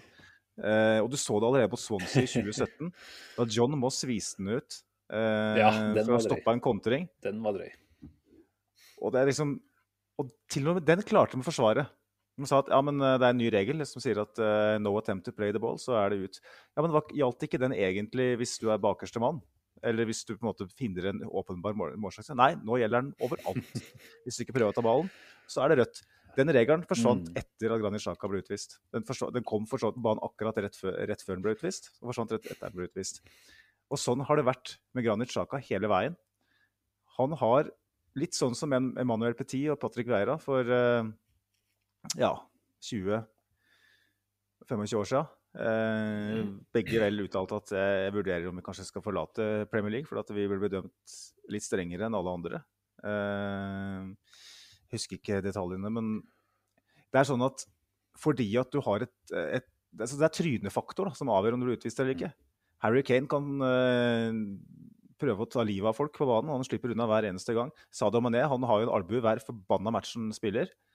Eh, senest i dag mot, uh, mot Chelsea. Kanskje, den den syns jeg var greit å gi gult på, men det er noe med at hvis du skal snakke om at ting gjentar seg, at det er en serieforbryter, så Mm. er jo nettopp det Sadio Mané er. Diego Costa han, uh, han holdt jo på i hver eneste match. Han fikk ikke et eneste rødt kort han, i, i engelsk fotball. Hvordan er det mulig? Hva hva er det som gjør at enkelte alltid slipper unna, og at typer som Granit Xhaka ikke gjør det? Når man snakker om at ja, men det er fordi at han har gjort det før. Men Mm. Harry Kane han har jo stempla folk i, i flere år. Han har jo prøvd å knekke nakken på folk. Mm. Han, altså, hvor, hvorfor får ikke han Jeg rett at han landslagskaptein. Hvorfor skal Granit Sjaka bli utvist eh, når han bare altså på et eller annet, du, For å bli en serieforbryter, så må du eh, Eller ikke en serieforbryter. Du må, begå forbrytelsen, du må på en måte få en straff først. Så jeg vil si at Hvis jeg og du hadde begynt å spille Premier League i morgen, så hadde jeg sagt at nei, men vi har aldri fått et rødt kort før, så vi kan gjøre hva faen vi vil. Jeg forstår det ikke. Det der Ja, argumentet deres, den- det, det, det, det faller på, på død fisk. Det er ikke noe som heter sikkert. Faller på steingrunn, i hvert fall. Ja. Ja. Nei, men altså, det er jo et kjempepoeng. Altså, når du først har på en måte kommet inn i den eh, karusellen da, hvor du begynner å bli straffa. Altså, Én ting er å begå forbrytelsen, som du sier, men hvis du fortsatt ikke blir straffa, les Kane, da. Som det er jo flere, ganske mange eksempler på at han har eh, sluppet unna eh, det som er helt åpenbare regelbrudd, og også burde vært eh, rødt kort-forseelser. Mm. men han har på en måte unngått Jeg vet ikke, har han i det hele tatt hatt en eh, langvarig suspensjon? Altså en trekampers eh, på bakgrunn av en, eh, en utvisning? Det veit jeg ikke. Eh, Nei, han har ikke vært for- utvist eh, siden han spilte i Laton Orient eh, for ti år siden. Ok, Da stoler jeg på din etterretning der, og det er jo helt sinnssvakt. Og da tenker jeg at det, det blir sånn eh, bekreftelsesbias ute og går. Da. Så, å, han har ikke fått noe røde kort, så da, da får han jo ikke denne gangen heller. fordi han er jo en snill kar, ikke sant. Mens uh, Sjaka, da, som har fått hva det kan være, fire, fem røde kort, x antall straffer. Alle veit at ja, men han har jo en lang rekke av dette her, så dette her blir jo bare en ny en i rekken. Det er ikke, det er ikke så Det skiller seg ikke ut fra normalen, da. Og om man skal dele ut uh, mer til han. Så jeg tenker du har et kjempepoeng. Det er helt, helt uforståelig. Og, Sjaka sa det jo selv her nå i et intervju med The Athletic, var det vel eh, for ikke så mange dagene siden, hvordan han opplevde at dette rett og slett er veldig ja, veldig subjektivt eh, hvordan man går etter han. Eh, refererte vel til en lagkamerat som hadde sagt at eh, dommeren da i en kamp hadde sagt "Ah, sånn er Granit Sjaka, vet du. Ikke sant? Ja, ja, altså, stemmer det. Altså, det, det er ikke til å tro da, at dette skal være profesjonelle folk på alle nivåer. Eh, men, men det har vi vel nå enda gang fått bekrefta at eh, den representative delen av dommerstanden i, i England er ikke, er ikke så profesjonell som den burde være. Og når du har et produkt som Premier League som ønsker å framstå som det beste av det beste når det kommer til fotball, eh, så er det skammelig at de ikke gjør noe med nivået på dommerstanden. Så kan du til og med der begynne å spekulere i om er det til deres eh, gevinst, da, altså til Premier Leagues gevinst, at det blir så mye samtaleemne rundt dette her. Jeg vet ikke. Eh, men, eh, men på sett og vis så mister man jo troa på, på litt av det de eh, Altså integriteten til, eh, til ligaen blir dårligere, rett og slett. da. Så um, Vi snakka om det før vi gikk på lufta her. eh, Hvilke muligheter er det for å hente inn utenlandske dommere, om enn eh, til eh, noen kamper bare? da. Det, det hadde vært et spennende prosjekt. Ja, altså spillere, trenere, fans, støtteapparat for øvrig. Alle er jo multikulturelt, multinasjonalt. Mm. Det eneste som er rent engelsk, er dommerstanden.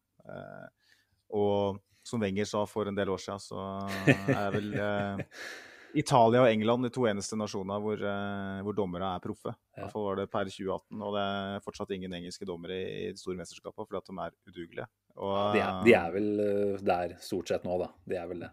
Ja, ja OK, men eh, Oliver og Taylor og et par av de andre, kanskje. De Nei, er eh, stort sett i mesterskap.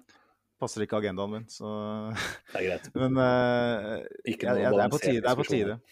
Ja, helt klart. det, er, det, er, det er en gutteklubben-greie her som eh, er lokka. Stuart Atwell som dømte den matchen her, han har vel blitt eh, degradert tidligere og mista jobben som Premier League-dommer fordi at han ikke dugde. Og hva har han gjort for å Eh, komme tilbake igjen? Sannsynligvis veldig lite. Jeg tipper at det er resultatet av at andre har blitt uh, demota, som det heter, som har blitt uh, degradert. Og uh, så, så, må noen andre komme inn og ta disse plassene her. Men da, da tenker jeg at når du har en såpass lang Man har jo lest noen uh, saker noen siste dagene om uh, Atwells historikk, og det er jo ganske mange grove, veldig grove feil som han har gjort. da, så det å plassere han inn i en sånn absolutt toppkamp, jeg vet ikke om det er noe han har kommet unna med hell tidligere. Og i så fall så får vi jo gi han for det, da. Men, men det framstår som uforståelig å putte en så Altså, det er så åpenbart at denne anledninga her ble eh, Har mista kontrollen, da, rett og slett, på, på det som skjedde utpå der. Eh, fra å ikke ville dele ut et eneste kort, eh, da særlig til City-spillerne. Rodri som får lov til å sparke ned saka i hvert fall én gang, men også flere òg, tror jeg. Det er klart, eh, fra det til å plutselig hive ut eh, gule kort til eh, en mengde Arsenal-spillere på rappen der, da, da, bærer jo det budet om at det er en, en dommer som har mista kontroll over det som skjer på matta. da.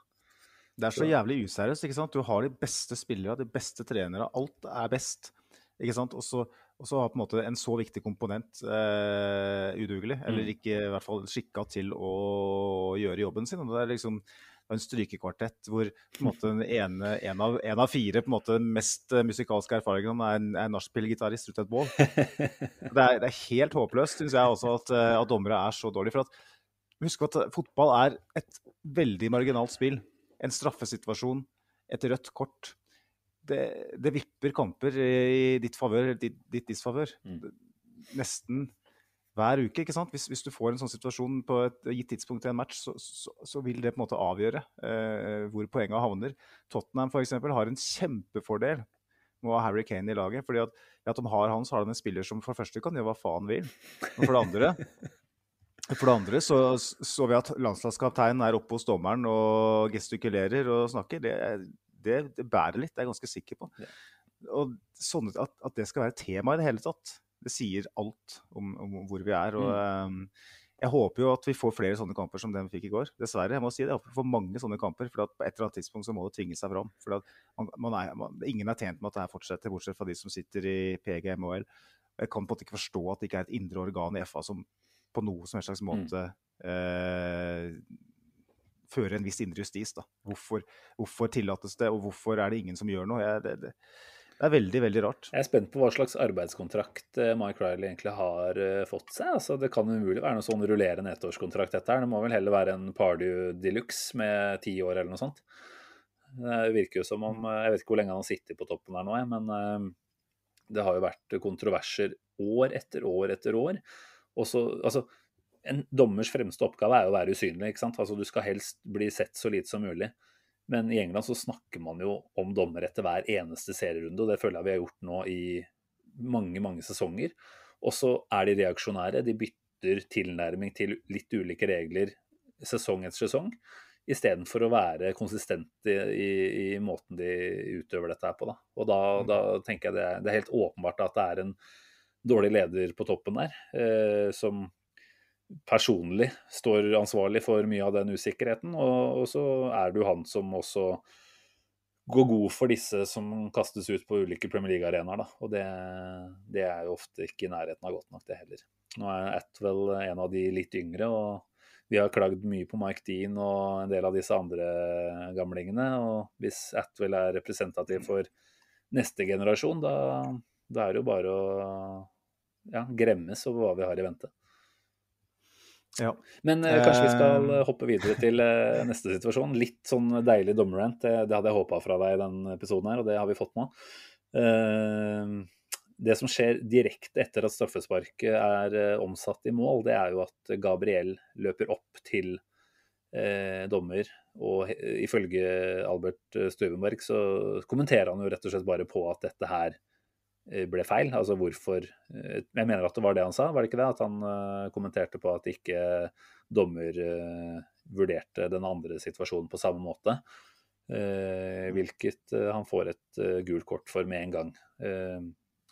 kan selvfølgelig si at det er uklokt av Gabriel, og at han bør styre seg litt, men jeg tenker at en dommer også skal akseptere et visst rom for reaksjon. Da. Så kan du selvfølgelig si at reaksjonen ikke kom umiddelbart, Men, uh, men, det er en frustrasjon som du må tillate at dukker opp der, mener jeg. Men uh, greit nok. Uh, vi så for så vidt også før straffesparket at både Gabriel og Ramsdale sto og sparka på straffemerket. Uh, ingen av de som fikk noe gult kort for det. Jeg må bare si at jeg syns det er litt tullete. Var det ikke ja. var det Klaus Lundekvam eller noe sånt som holdt på sånn i Tippeligaen for en stund tilbake? Lang, lang tid tilbake. Ikke Lundekvam, men Bergdølmo var det. Uh, og, og, det så jo bare dumt ut, og det syns jeg det gjorde nå også. Og skal du sparke, så må du for guds skyld sparke ved siden av, da, sånn at stamfoten sklir. Det er jo ikke selve straffemerket som utgjør noe særlig forskjell her. Så skulle tatt, tatt den sparkinga litt lenger til sida hvis de først skulle gjort det. Men uansett, mm. gult kort til Gabriel. trenger ikke å diskutere så mye mer rundt det. Det som skjer derfra, er vel omtrent Eh, direkte opp til denne gigasjansen til Martinelli. Hvor eh, Laporte header tilbake, Ake klarerer på streken. Og dommer, som eh, god forsvarsspiller, er inne i feltet og blokkerer utsynet til Martinelli. Jeg, jeg syns ikke det er noe å klandre han for. Jeg tror han handler på et instinkt som han ikke klarer å styre der bare. Han ønsker å være så nær situasjonen som mulig. Men, eh, men, man kan selvfølgelig si at det forstyrrer Martinelli noe da, i avslutningsøyeblikket. Eh, jeg vil fortsatt si at den skulle sitte i mål. Da hadde vi hatt 2-1. Ja, eh, veldig sær situasjon det med Matwell. Det er jo ikke sånn at man studerer dommerens bevegelse rundt boksen normalt sett. Men jeg kan ikke si at jeg har sett så mange av den der, også, eller noen. Så jeg syns det ser litt rart ut når han kommer der. Eh, det er mulig at det er en fyr som er litt stressa etter å ha fått eh, hodet fullt pepra mm. av, eh, av Arsenal-spillere. Jeg vet ikke hva som skjer der. Og Jeg, men det, det, er fortsatt mulig for Martinelli å sette den. Så det er vanskelig, vanskelig å si om hvor mye det påvirka. Men det som skjer på midtbanen rett etter der, er jo litt mer interessant å diskutere. Ja. Kanskje mest først og fremst på Gabriel sine vegne, som uh, har gjort det her før. Ja. Uh, og jeg føler at av de dommersituasjonene vi diskuterer her, så er kanskje den jeg på en måte tenker at OK, det, det er ikke noe å diskutere, spør du meg. Nei, det, det, det er ikke noe å diskutere. altså Ødegaard var inne på det i intervjuet etter kamp, at de lot eh, følelsene ta overhånd eh, i noen faser av kampen. Og dette var et helt klart sånn eksempel. Gabriel som rett og slett mister huet litt. Eh, jeg tenker at det totalt sett, med det første gule kortet og dette her, så kan du si at det er en ekstremt billig utvisning. Når du mm. først har fått det gule kortet, da, det første, da unngår du å sette deg i den situasjonen der. Det er helt unødvendig. Altså, Greit nok at Gabriel eh, Jesus er forbi, han er vel det. Han får et touch på ball og blir jo sånn sett hindra ganske klart. Men jeg tenker at når du veit at du har eh, gult kort, da, da, unngår du den der. Eh, så det er, det er rett og slett huemist.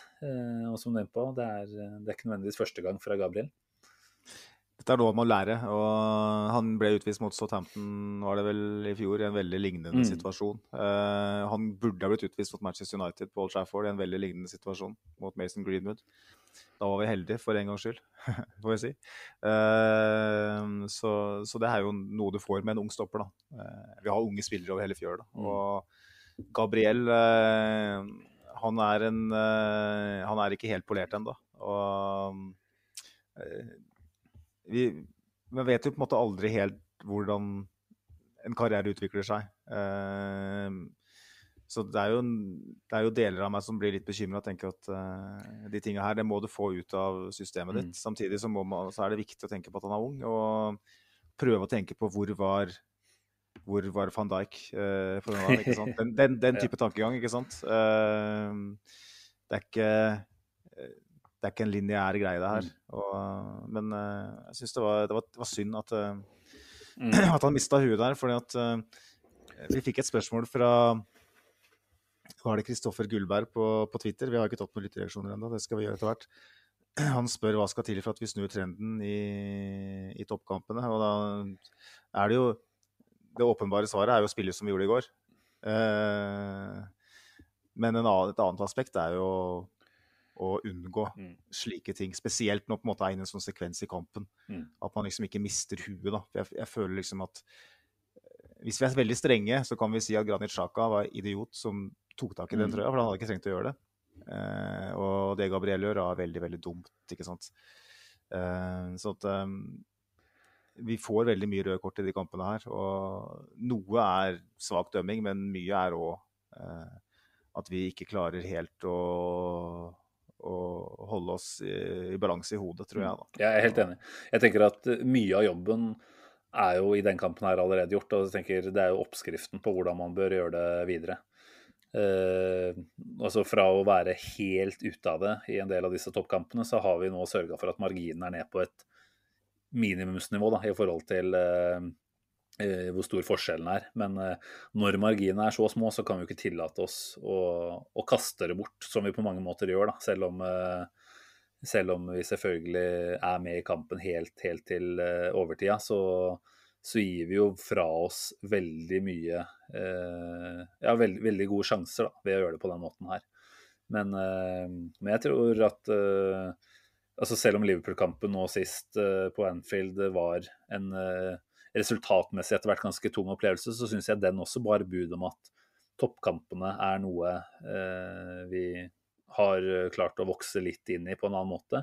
United-kampen, eh, som du har snakket om tidligere i dag, den, eh, den var en merkverdig forestilling. Eh, kanskje det var rett og slett en Ja, denne ubehageligheten med Old Trafford som, som tok litt overhånd der. Men, men jeg syns jo at vi nå, i noen kamper på rad mot de større lagene har vist oss fra en mye bedre side enn en tilfellet har vært tidligere. da.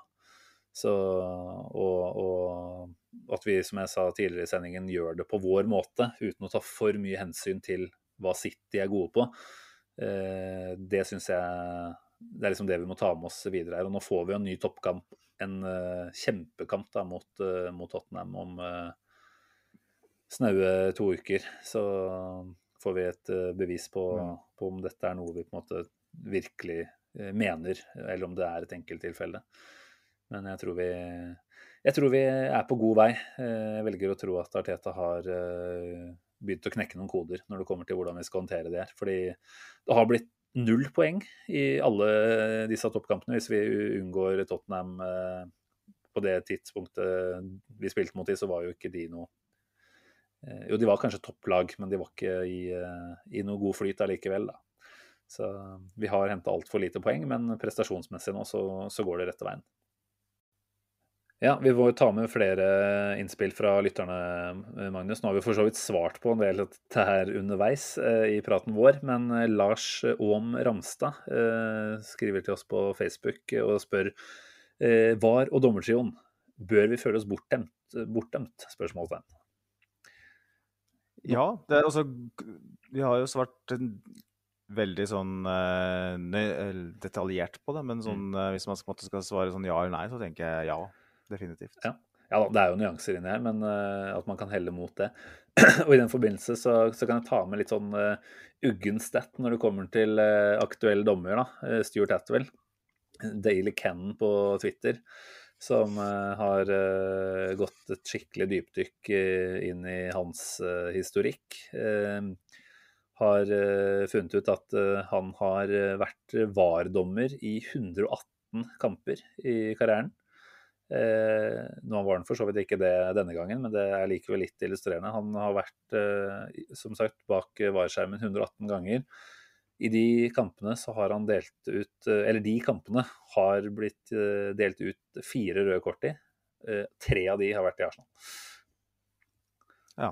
Eh, vi skal ikke si at det er han som personlig har gått god for det, men eh, men, men, du lurer iblant, da, og vi, vi, vet at vi er litt Altså jeg tror alle supportere vil føle seg mest urettferdig behandla uansett, fordi det er en selv man eh, følger tettest. Men uh, vi begynner jo å synes at det blir mange eh, hendelser, da. Hvor eh, vi stusser fælt på hva er det egentlig som er grunnen til at vi får denne avgjørelsen og denne avgjørelsen imot oss. Mm. Og vi har, vi har snakka mye om det, vi trenger ikke å snakke mye mer om det nå, men jeg er enig med deg. Dette er ikke første gang vi blir bortdømt. Det har vi hatt, hatt noen eksempler på de siste sesongene også.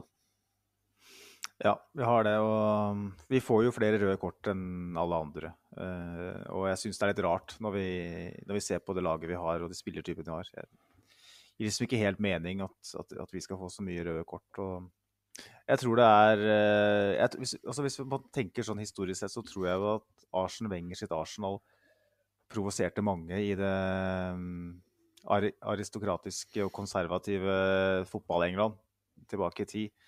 At det lå og ulma litt, spesielt når Arsenal hadde de, det første ungdomsprosjektet sitt med, med Wenger. Eh, hvor vi fikk veldig mye urettferdig behandling, syns jeg. Mm. Eh, eh, men så tror jeg i større grad nå det er trynefaktor. At det er enkeltspillere. Det er en Granit Xhaka. Eh, det er noen unge spillere som kanskje ikke helt har eh, overbevist eh, dommereliten om at, at de skal behandles på en annen vis enn enn andre. Jeg vet ikke, for det er jo åpenbart trynefaktor ute og går. Mm. Uh, um, men jeg tror kanskje ikke at det er spesifikt mot Arsenal og direkte korrupsjon. Også. Korrupsjon, da, da handler det om penger, ikke sant. Så jeg tenker at, uh, at det handler om inkompetanse og, og trynefaktor. og ja. I det øyeblikket trynefaktor blir en del av uh, dømmingen i et så marginalt spill, så, så har man et gigantisk problem. Ja, jeg har jo ikke inntrykk av at vi har spillere som eh, slikker så ekstremt mye dommerræv utpå der heller. Altså, der du ofte føler at du ser en del spillere gå og godsnakke og innynde seg litt da, hos dommerne, så syns jeg vi har en gjeng som gir totalt F i det. Og det syns jeg er helt greit. Eh, men det er klart dommerne er det mennesker, de òg. Det er klart hvis eh, de liker trynet på Arsenal-spillerne bitte litt dårligere enn en del andre, så, så, er det et litt dårlig utgangspunkt også, da, når du skal ta en del 50-50-avgjørelser. Da kan flere av de gå i disfavør av oss. Mm. Men eh, nei da, vi trenger ikke å ta mer eh, dommerprat uh, nå, tror jeg. Vi får se hva vi, hva vi ender opp med.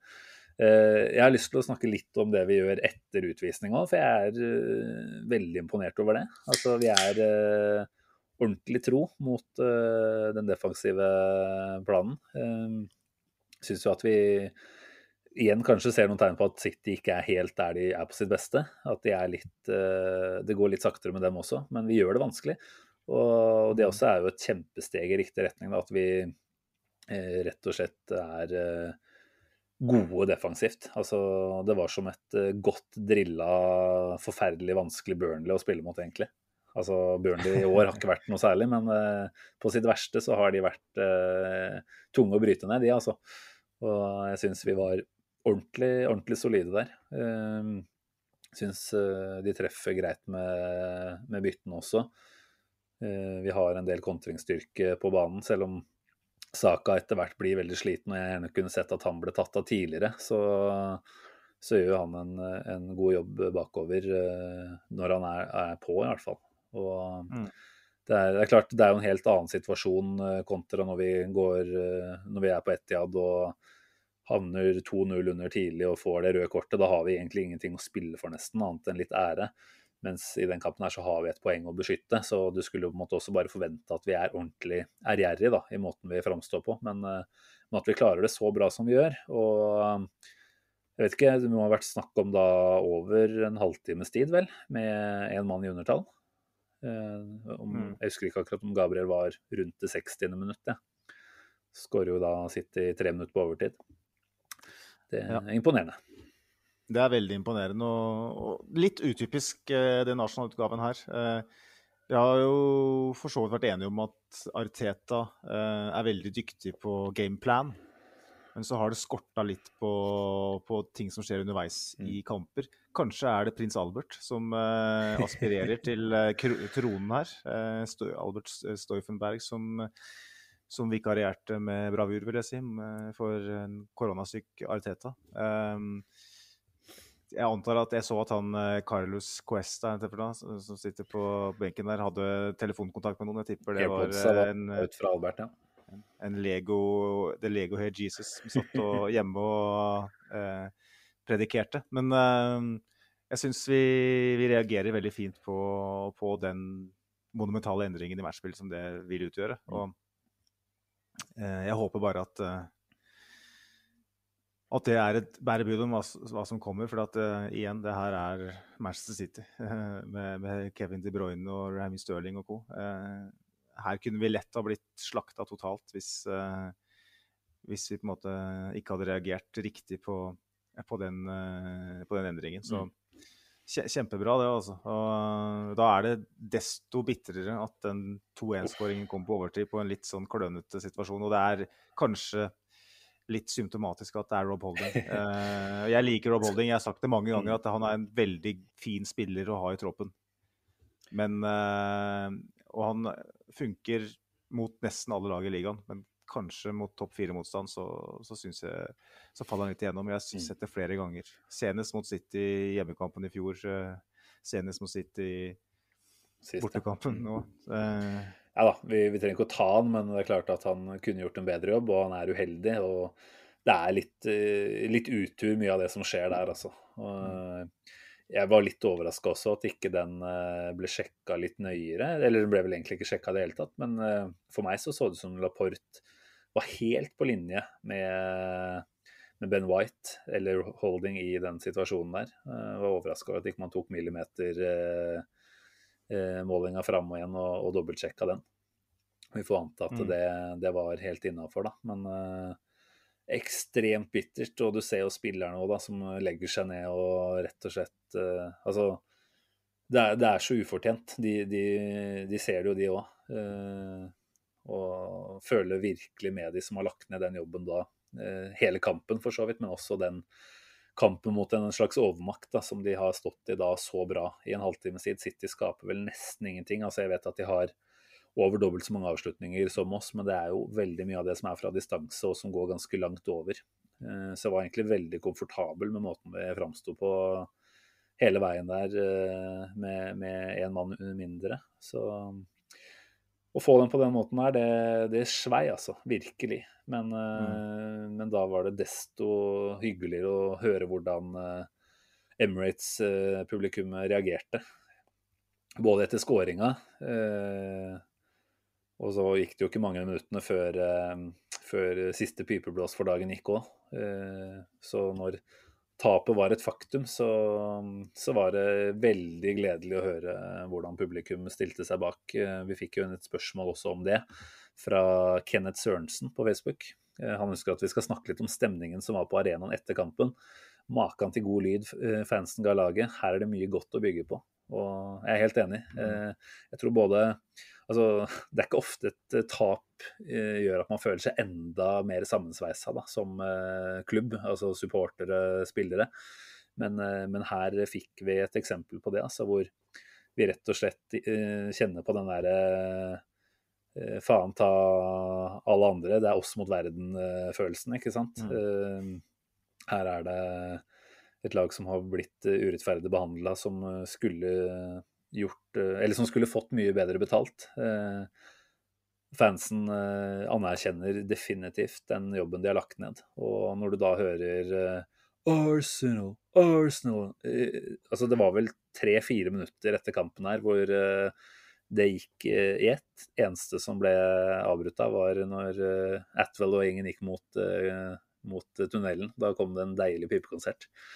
Men, eh, men utover det så var det en sånn type reaksjon som jeg tror eh, gjør at spillerne bare får enda mer lyst til å, å blø for den drakta her. For det Nei, den, den stemningen som er mellom eh, spillere og, og supportere om dagen, den, den er det lenge siden jeg kan huske at det har vært på det nivået. Det, altså, det er jo noe som Arteta snakker mye om òg. Mm. At det er viktig å reetablere et godt forhold mellom fans og spillere. og så, så har vi blitt kritisert som, som fangruppering i mange år. At vi er bortskjemt og at vi klager og sutrer. Og, Men jeg har hele tida vært uenig i det. Eh, eh, det å være Arsenal Football Club, en av de største klubba i verden, det, det krever ganske mye. Eh, det er ikke godt nok mye av det som har foregått over lang, lang, lang tid. Eh, og da er det helt naturlig eh, at, at stemningen er som den er. Selvfølgelig så kan man kritisere aspekter ved det, men jeg, det er, når Arsenal begynner å spille god fotball igjen, eh, i sånne typer kamper som det er, i tillegg eh, få resultater eh, eh, underveis, så da, da, da, vil, da vil fansen være med. Mm. Så enkelt er det. Begynner vi å spille hesteskofotball igjen, så er vi tilbake der vi var. Er, vi, du kommer aldri i verden til å få en supportergruppering som er fornøyd med at de spiller dårlig og misfornøyd med at de spiller bra. Og nå spiller vi så bra fotball og har gjort det nå over tid. Vi skal ta en, kanskje ta en liten oppsummering av, av hvor vi er. Også sesongen den er jo 38 kamper lang. Etter 19 kamper, altså foran City-kampen, så hadde vi 35 poeng. Det er eh, da altså halvveis eh, til 70 som, stort, som vel holder til topp fire i omtrent halvparten av sesongene de siste ti åra i Premier League. Mm. Uh, I tillegg så ser vi at tap mot Liverpool og Chelsea, som ligger på to plasser foran oss, gjør at hvis Og det er på en måte, det er jo de, de kampene man, man, forventer å tape. Uh, men hadde vi vunnet de kampene, så hadde vi hatt tre poeng mer, og de to, tre poeng mindre selvfølgelig. Da hadde vi vært nesten a jour. Det vil si at i de øvrige kampene så gjør vi omtrent like god jobb som det Liverpool og Chelsea gjør. Mm. Og da snakker vi. Altså, da snakker vi at da handler det bare om å liksom vinne en toppkamp her og der underveis. Nå taper vi jo alle. Eh, men i går så burde vi ha vunnet, ikke sant. Så, så, det sier noe om at hvis vi fortsetter å vinne de kampene vi skal vinne, og fortsetter å ta steg i de kampene mm. hvor vi er, ikke er favoritter, da er Arsenal på veldig, veldig, veldig god vei. Og um, du kan si i løpet av det året som har gått, så har det vært perioder hvor, hvor Arsenal har fått kanskje bedre betalt enn det de fortjener. Uh, tidlig i sesongen f.eks. Norwich og Burnley-kampen og sånn, 1-0. Det var ikke akkurat uh, festforestillinger. Om enn ikke men... det var mer enn vi fortjente, så, så, var det i hvert fall prestasjoner som ikke det lukta svidd av. Men jeg syns jo det var uh, det, det, var kamper som kunne bikka litt, litt ulike veier, men vi, vi dro det i vår favør. Ja, og det er jeg helt enig i. Og, mm. og, poenget mitt er jo at hvis vi plukker såpass bra med poeng, at vi har et så godt poengsnitt, til tross for at vi har hatt, hatt perioder hvor vi har slitt skikkelig spillermessig Altså Hvis det vi ser nå eh, spillermessig er representativt for det vi kan forvente, da, da vil jo poengsnittet gå opp òg. Så jeg syns det er veldig veldig spennende. Mm. Uh, jeg er ganske sikker på at vi kommer til å oppleve flere bølgedaler. Uh, men man har jo sett en, en, gruppe med spillere som etter hvert har vist at de kan reagere på det. Hva, hva tenker du, Simen? Er du bekymra for at Si vi taper mot Tottenham, da. Eh, kanskje får vi en dårlig forestilling, kanskje får vi noen covid-tilfeller. Mm. Masse som kan skje. Mistet Thomas Party. Eh, det, det, tenk, det har vi, vi, har ikke snakka så mye om Thomas Party. Jeg synes jo, jeg var litt innpå han tidligere. Jeg syns jo han var vår beste i den kampen her. Eh, mm. tenker det er heldigvis ikke mange ligakampene han er vekke, men eh, det kommer en ekstremt viktig en mot Tottenham, som er sånn Vi kan se tilbake på den eh, på slutten av sesongen og tenke oi, det var de eh, tre eller det ene poenget der som, som avgjorde, da. Altså mm. de er to poeng bak oss, har to kamper til gode. Eh, klart, å, å, vinne den vil bety ekstremt mye. Eh, jeg er veldig spent på hva vi kommer, kommer ut med der. Eh, kanskje særlig med tanke på den eh, rollen Thomas Party nå har tilegna seg igjen da, på det laget her. Eh, frykter jo at en Lokonga som nå ikke har sett spilletid, vel, på fire kamper, eller kom han kanskje inn fra benken en gang? At, ja, jeg er veldig nysgjerrig på hvordan han plukker opp stafettpinnen fra Party. For det, det var det vi ønsket da vi henta han, at han skulle være en slags backup-løsning der som kunne steppe inn i, i ny og ne. Um, mm. Hvis han klarer det på et eller annet uh, bra, bra, vis, da, da, tror jeg vi har gode muligheter mot Tottenham, så lenge ikke alt uh, klapper sammen og vi får masse koronatilfeller. Spørsmålet ditt var jo egentlig hva hvis vi taper den kampen Stemmer mot Tottenham. Det. Har du tillit til at, uh, tillit til at uh, det Ariteta-laget her faktisk uh, responderer? At det vi ser nå er bærekraftig? Da? For det, det har vi snakka om så mye, at, mm. at, ting ikke er bærekraftig. Vi snakka om det under Wenger og under Emery. at Ser vi endelig et, et Arsenal-lag som, som, presterer noe som er bærekraftig? Ja, jeg syns jo nå har vi hatt en kontinuitet i førsteelveren over en viss tid. Det virker som Arteta har funnet litt mer ut av det. Eh, klart, Jeg sier ikke at Aubameyang-situasjonen på noen som helst måte var eh, positiv, men, eh, men, det kan hende at for laget som helhet så har det vært en, en, slags blessing in disguise. Eh, jeg tenker at Hvis man får muligheten til å stille stort sett samme elver, eh, så tror jeg dette er bærekraftig. Alt av underliggende tall tyder på at vi er et mye bedre lag nå enn det vi var tidligere i sesongen, hvor vi eh, stort sett, som du sa, var jevngode med de fleste. Eh, litt sånn som i Emery, den æraen hvor han hadde 22 kamper uten tap, ikke sant? hvor vi allikevel gjerne kunne ha tapt brorparten av de. Så opplever jeg at det vi holder på med nå, stort sett er fordi vi har blitt bedre. Vi har tatt steg, da. Mm. Så er det klart, selvfølgelig handler det litt om måten man eventuelt skulle tape på mot Tottenham å tape på en slags måte som dette her, hvor man egentlig er det beste laget, eh, hvor man fortjener mer, eh, da har det jo ingenting å si. fordi vi er jo ikke eh, greiere enn at vi aksepterer jo et tap så lenge prestasjonen er god. Vi må jo akseptere tap når det er dårlige prestasjoner òg, for det, det, kommer til å, å, svinge. Det er unge spillere på mange av plassene, dette her. Men, men jeg, jeg, har troa på at Eh, det er klart, nå har vi ett tap på de siste seks kampene. Om vi skulle få et til i ligaen på rappen her nå, om vi også skulle få litt dårlig opplevelse mot uh, Liverpool i ligacupen. Uh, jeg har troa på at Arteta klarer å snu dette her. Vi, har, vi hadde en lang bølgedal sist sesong. Borti syv, åtte, ni kamper uten seier, ikke sant. Mm. Så hadde vi en tung start på sesongen. En uh, bølgedal, kan du kalle det også, men kom oss uh, greit opp fra den. Uh, og jeg syns vi har tatt, tatt, steg hele veien nå som bærer bud om at vi har blitt et, et mer solid lag, rett og slett. Da. Og at den troa på dette her er Den er stor. Så jeg, jeg har kommet et par hakk lengre i min si, ferd med å tro på Arteta. Det har jeg.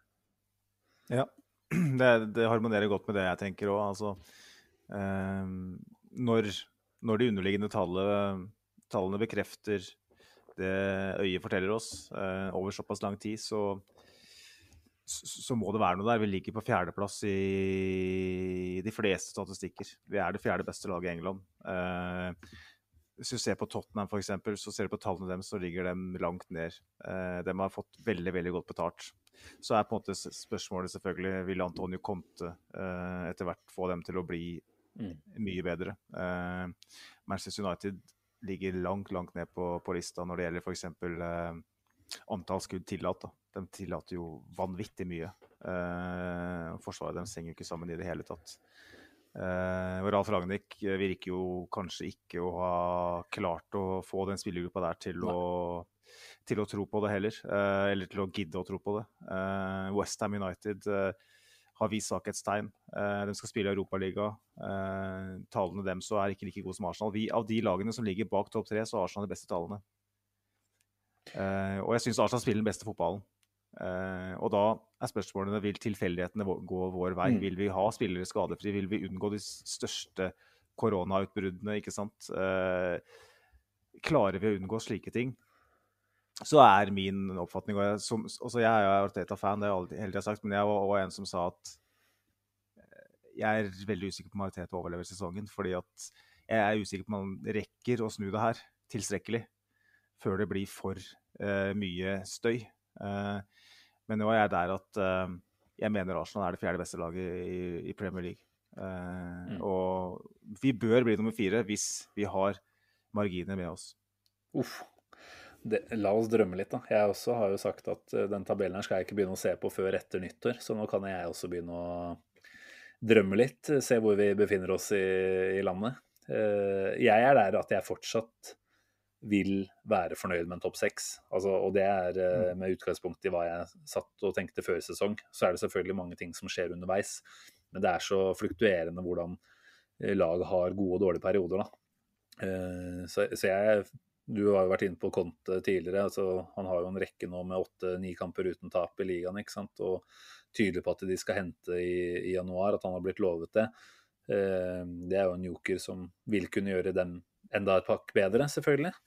Eh, så, så jeg, jeg, går absolutt inn i andre halvdel av sesongen og håper på en topp fire. Og det du sier her om at vi på alle statistikker framstår som det fjerde beste laget, det er jo kjempeoptimisme. Men eh, men jeg vil fortsatt ikke bli eh, Jeg vil bli kanskje, kanskje litt skuffa, avhengig av måten det skjer på. Men det vil jo absolutt ikke være noen krise om ikke vi skulle klare en topp fire-plass.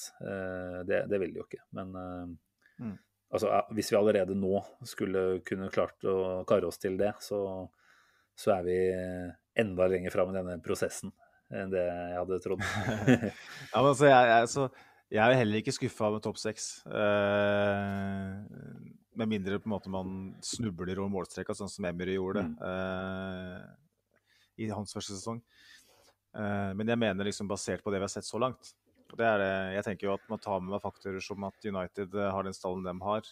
Eh, Tottenham eventuelt henter et par storfisker eh, med den manageren de tross alt har. Mm. Så, så, så, så det er ikke sånn at jeg forventer det, men jeg mener at vi bør, basert på det vi har sett, eh, bør, basert på 2021 så, som helhet, så bør Arsenal være det fjerde beste laget i, i Premier League. Og så jeg aksepterer jeg gladelig en femte-sjetteplass hvis eh, progresjonen eh, fortsetter, og, og, og på en måte type hvis United plutselig får kjempesving på det. Ja, sant? Da kan vi på en måte ikke klage Nei. hvis de klarer 75 poeng, så hva, hva faen kan vi gjøre? Nei, jeg er helt enig. Og vi, vi, vi er i hvert fall i en posisjon hvor vi kan få lov til å drømme litt og, og se med håp da framover mot det som skal skje eh, resten av sesongen. Og det, det er på en måte det jeg tar med fra den City-kampen her. Det er at ja, vi fikk ikke med oss poengene, og fotball handler om å hente de poengene, og til slutt så er det det som vil avgjøre. Men, men fotball handler for meg også veldig mye om håp, både til neste kamp, til, til neste måneden og til resten av sesongen. ikke sant? Eh, hva er det vi kan få lov til å håpe på? da, og etter den prestasjonen som dette her var, eh, så frem til reaksjonen da er sånn som vi ønsker at den skal være, så, så har jeg virkelig håp om at det her skal eh, ta oss eh, enda et steg nærmere dit vi ønsker å være da. Det er, det er jo åpenbart en topp fire-plassering. Vi er en Champions League-klubb. Vi er det, og det er jo lite nyttårspartei, eh, det vi sitter og har her nå, Simen, med et par pils og ikke minst den nytt- nyttårsparteien vi så den i går. og Vi må feire, feire litt at Arsenal gir oss så mye glede og så mye optimisme, selv etter et sånt tap. Da tenker jeg at da, da er vi på rett vei. og Nei, eh, det er 2. januar. Det er eh, 364 dager igjen til nyttårsaften. Året er ikke Eh, ødelagt allikevel, sier du? Det er ikke det, vet du. Det er ikke det. Eh, overtroen har eh, lagt seg, og eh, Vi skal ikke holde på så mye lenger nå, tror jeg, men det er eh, Fra Arsenal Station sitt eh, perspektiv, den mest positive er den, eh, den som, er, eh, minst, som er litt mer skeptisk nå. Det, det sier litt om at, at ting er på, er på rett vei, altså. Så Nei, det er deilig. Ja.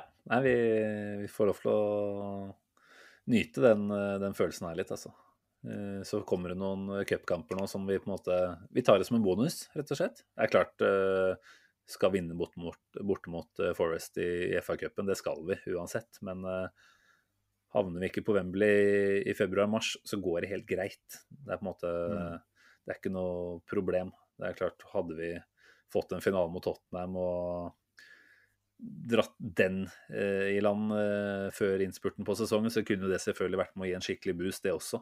Men, eh, men det, det er veldig sekundært. Nå er det krysse fingra for at vi er så godt rusta i Premier League-kampene som mulig. Og hvis vi har et mannskap å, å sette på banen i de kampene framover der, så tror jeg også at prestasjonene kommer til å være bra. For nå, nå har de vært det over tid. Og det, det er liksom ikke noen sånn åpenbar grunn til at det plutselig nå skal klappe sammen og, og bli borte igjen, da. Eh, ja, Everton-kampen den er jo et spesielt eh, tilfelle. Eh, og det er helt uforståelig på mange måter hvordan den klarte å lure seg inn der. Men, eh, men vi trenger ikke å bruke for mye tid på å rippe opp i sånne gamle, vonde minner. Nå, nå ser vi framover. Skål Yes. for 2022. Er det sånn at du hadde noe mer på plakaten da, eller? Nei, jeg har ikke noe X-spiller i dag. Uh, jula, den har krevd sitt. Uh, det har vært veldig mye familiært, og det har vært mye ribbe og pølse osv. Så, videre. så energinivået når man spiser ribbe og pølse og drikker jula, det er ikke all verden. Skal ikke bare restituere etterpå. Så jeg tenker at eh, når hverdagen returnerer, det er vel da mandag. Eh, mange lytter sikkert akkurat på mandag. Eh, så tenker jeg at da, da er det tid for å begynne å kreere litt sånne ting. Enig, enig. Eh, Det er én ting vi må gjøre før vi runder av her. Jeg, jeg lovte jo noen pizzagavekort til noen av de som følger oss på Twitter. Vi stilte jo spørsmålet der, et vanskelig spørsmål sådan. Eh, hvem folk mener har vært Arsenals beste spiller så langt den denne sesongen her. Eh, som jeg skrev, det var jo ikke noe riktig svar. Eh, alle som har svart, er med i trekningen av et pizzagavekort. Vi har tre stykker som vi skal dele ut. Så jeg tenkte vi kunne jo gjøre det før vi runder helt av her. Men eh, aller først, eh, har du noen åpenbare årets eller sesongens spiller så langt, eller? Ingen åpenbar. Mange gode Eh, kandidater, selvfølgelig. Veldig mange, mange som ligger jevnt. Eh, ja, jeg vet ikke, altså. Jeg er frista på å svare Ramsdale. eh. Nei, det der sa jeg til deg før vi skulle på lufta. ja, men altså. Det er greit, vi, vi kan være samstemte i det. Jeg, jeg holder meg fortsatt på det. Jeg trodde kanskje du skulle si favoritten din, Smith-Roll, med tanke på at han er eh, toppskårer eh, by far og eh, har eh, Han har jo vært ekstremt god, selv om han nå har vært bitte litt mer perifer i noen kamper, da. Men eh, Ja, jeg tenker liksom det som, det som gjør, vipper det for, i Ramsdale sin uh, retning for min del, er bare det at jeg føler at hans personlighet Mm. har uh, galvanisert det Arsenal-laget her. Jeg tror han uh, eh, Han er ekstrem på banen, men han er like ekstrem utafor banen. Han er faktisk Premier Leagues beste keeper, og det er ganske sjukt. Det er ganske sjukt. Han har, altså, han har vært det i hvert fall denne sesongen der. Det er ikke Nei, jeg er helt enig. Altså, jeg vet ikke hvordan det er på antall innslupne mål, men uh, på de Hva er det han har spilt, da? 17 kamper. Han var jo ikke med de tre første, selvfølgelig.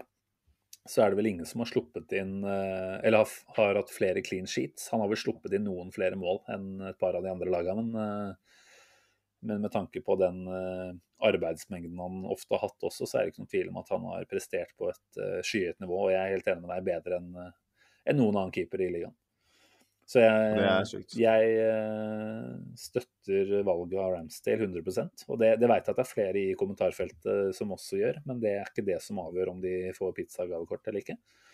Så jeg lurer på hvordan vi skal gjøre det. her. Skal jeg eh, gi deg eh, Jeg kan scrolle litt opp og ned, Magnus. Så kan du på et eller annet tidspunkt si stopp. Og så der musepekeren er, der blir det pizzagavekort. Skal vi si det sånn? Ja, det, det kan vi gjøre. Og da um, Si fra når du begynner å skråle, da. Jeg er eh, Ja, jeg er i gang, jeg, altså. Stopp. Morten Kleven havner på der.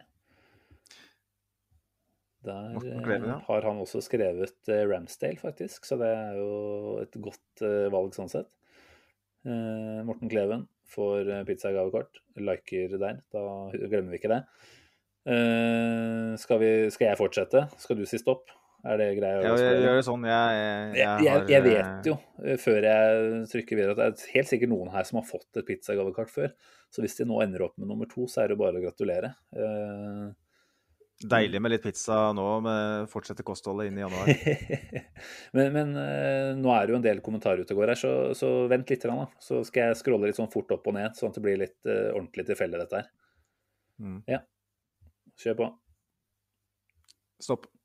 Sleivdal IL Official. Det er kult. Legenden i Sleivdal. Mm. Ja, ja, ja. De har uh, calla Emil Smith-Roe. Det er jo ikke helt feil, det heller. Begrunner Nei, det med gå rett på mål alltid og er en fryd å se på. Nei, sorry. Jeg leste feil. Han skriver per spilte minutt har Emil vært best, men totalt fortjener Ramsdale både pizza og bestemannspremie. Da er vi enige med Sleivdal der også? Okay. Ja, veldig enig. Det er, det er nok flere som har han, altså. Men vi har ett pizzagavekort eh, til å dele ut, så jeg scroller, jeg. Så får du si stopp på et uh, passe tidspunkt. Stans! Peder Pedersen.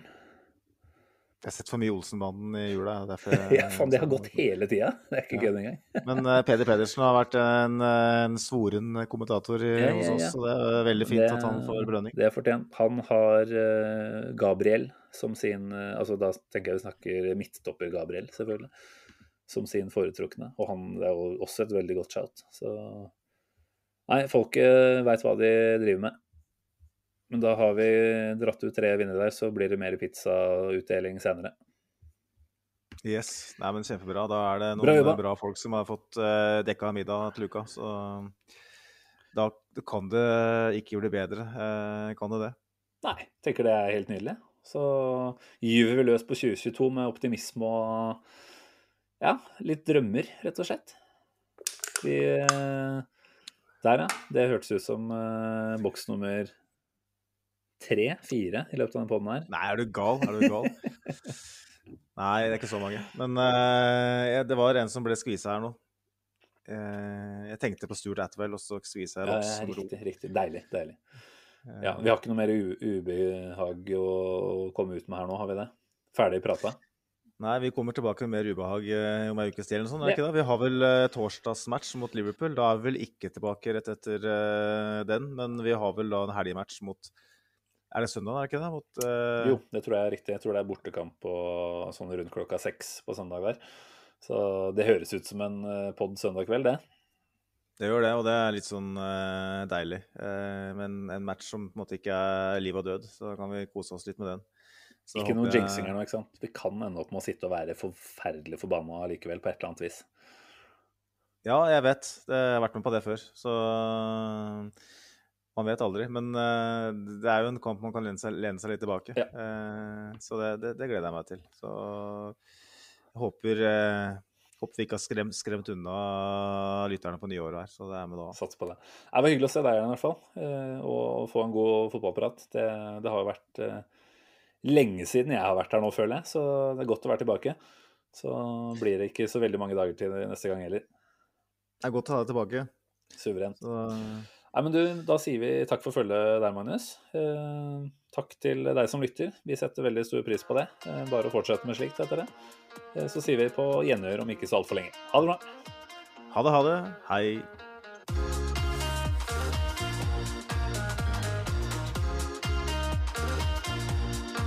This train terminates here.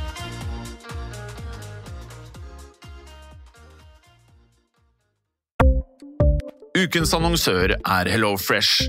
HelloFresh er verdens ledende matkasseleverandør og kan være redningen i en travel hverdag.